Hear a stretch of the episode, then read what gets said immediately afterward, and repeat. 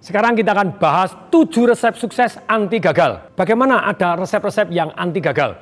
Nomor satu kita punya prinsip. Prinsip yang pertama, resep nomor satu. Yaitu tidak ada kata gagal. Yang ada hanya sukses dan belajar. Kalau kita belum sukses, berarti kita harus belajar. Kalau kita sudah sukses, kita tetap harus belajar. Sedemikian sehingga di kemudian hari kita akan lebih sukses lagi. Jadi dengan prinsip nomor satu ini, tidak ada kata gagal, yang ada hanya sukses dan belajar, selesai. Enam resep berikutnya mestinya tidak perlu dibahas lagi gitu ya. Tetapi kita akan bahas sungguh-sungguh selama sekian menit ke belakang ini, perhatikan baik-baik.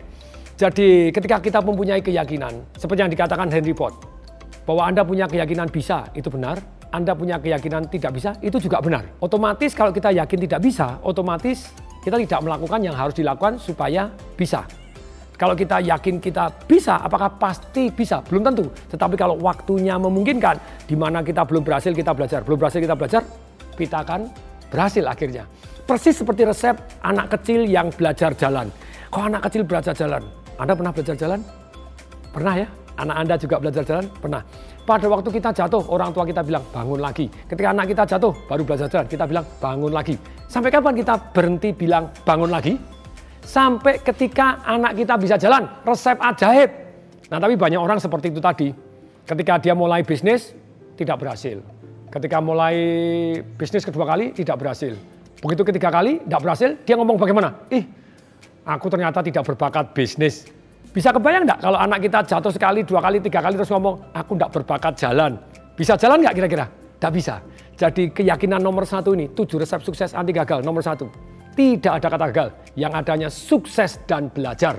Kalau kita belum sukses, berarti kita harus belajar. Kalau sudah sukses juga tetap harus belajar. Karena waktu terus berubah, kita harus terus belajar dan bertindak. Oke. Yang kedua, kalau Anda mau resep sukses anti gagal, kemungkinan berhasil Anda akan jauh lebih besar kalau Anda mempunyai goal yang SPTM. Apa itu goal yang SPTM? Goalnya harus spesifik, harus positif, harus tertulis, dan harus menarik. Nah, Goal spesifik akan lebih mudah. Misalnya, Anda cari, saya mau cari pasangan yang kaya. Ukurannya apa kaya? Makanya banyak bintang film yang kena jebakan Batman. Jadi kepingin kaya, ukurannya apa? Dia tidak jelas. Ukurannya kalau mobilnya mewah, ganti-ganti. Ternyata dia adalah dari karyawan showroom mobil, wah cilaka gitu ya, mobilnya ganti-ganti tapi mobilnya yang dijual gitu ya. Atau mobil kakaknya, mobil saudaranya. Kalau Anda tajam misalnya, oh harus punya rumah sendiri tidak utang bank, misalnya gitu, selamat dulu rumahnya, misalnya atas nama dia. Rumahnya senilai misalnya berapa M, 2 M, 3 M, silahkan. Harus mempunyai deposito sekian M. Jadi kriterianya semakin jelas, kita akan semakin mudah untuk mencapai. Anda cari pasangan, mau cari pasangan yang ganteng. Ukurannya gimana ganteng? Oh, misalnya tingginya 175 ke atas, misal Anda. Itu lebih mudah dicari. Misalnya pakai kacamata, oh, lebih mudah gitu ya. Anda cari akan jauh lebih mudah. Sedemikian sehingga Anda akan mendapatkannya nyarinya lebih gampang gitu ya. Jadi dalam kesempatan ini betul-betul Anda harus spesifik. Kemudian yang berikutnya setelah spesifik goal Anda harus positif. Sungguh ajaib otak bawah sadar kita ini kemampuannya itu jauh lebih besar daripada otak sadar kita. Jadi kalau Anda goalnya misalnya saya tidak mau miskin, tidak begini, sadar kita tahu, tapi bahwa sadar kita tidak tahu. Jadi Anda tidak mau miskin, Anda malah jadi miskin. Kalau tidak percaya misalnya, Anda tutup mata, Anda tidak boleh membayangkan, Anda dilarang total membayangkan. Semua tutup mata, Anda tidak boleh membayangkan seekor kelinci yang warnanya putih sedang loncat-loncat. Coba buka mata, apa yang jadi? Malah Anda keluar kelincinya putih loncat-loncat toh. Jadi inilah, jadi goal Anda harus positif. Jadi saya bilang tidak mau gagal, tidak harus positif, goalnya positif. Karena bawah sadar Anda mengenal angka-angka yang positif. Kemudian goal harus tertulis.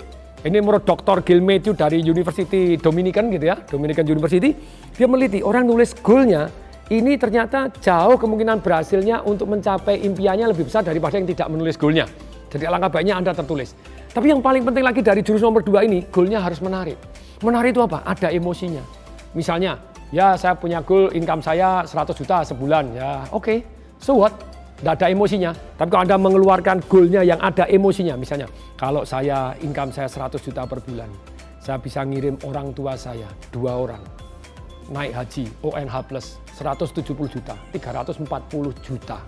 Dengan dengan Anda ya berarti lebih hampir nanti sama pasangan hidup lebih dari 500 juta. Tapi dalam hal ini ketika Anda bayangkan orang tua Anda bisa nyium hajar aswad dan kemudian terima kasih ya Allah doa dan untuk Anda dan sampai keluar air matanya goal Anda mendadak ada emosinya, ada menariknya.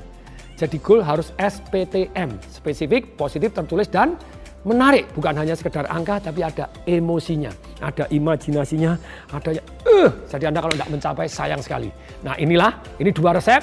Nanti akan saya lanjutkan ke 5 menit berikutnya. Kalau Anda suka silahkan like, silahkan subscribe. Sehingga, sehingga Anda bisa mendapatkan informasi-informasi yang terbaru dari video-video saya berikutnya. Semoga bermanfaat. Saya Tong Desember ingin mengucapkan salam dahsyat.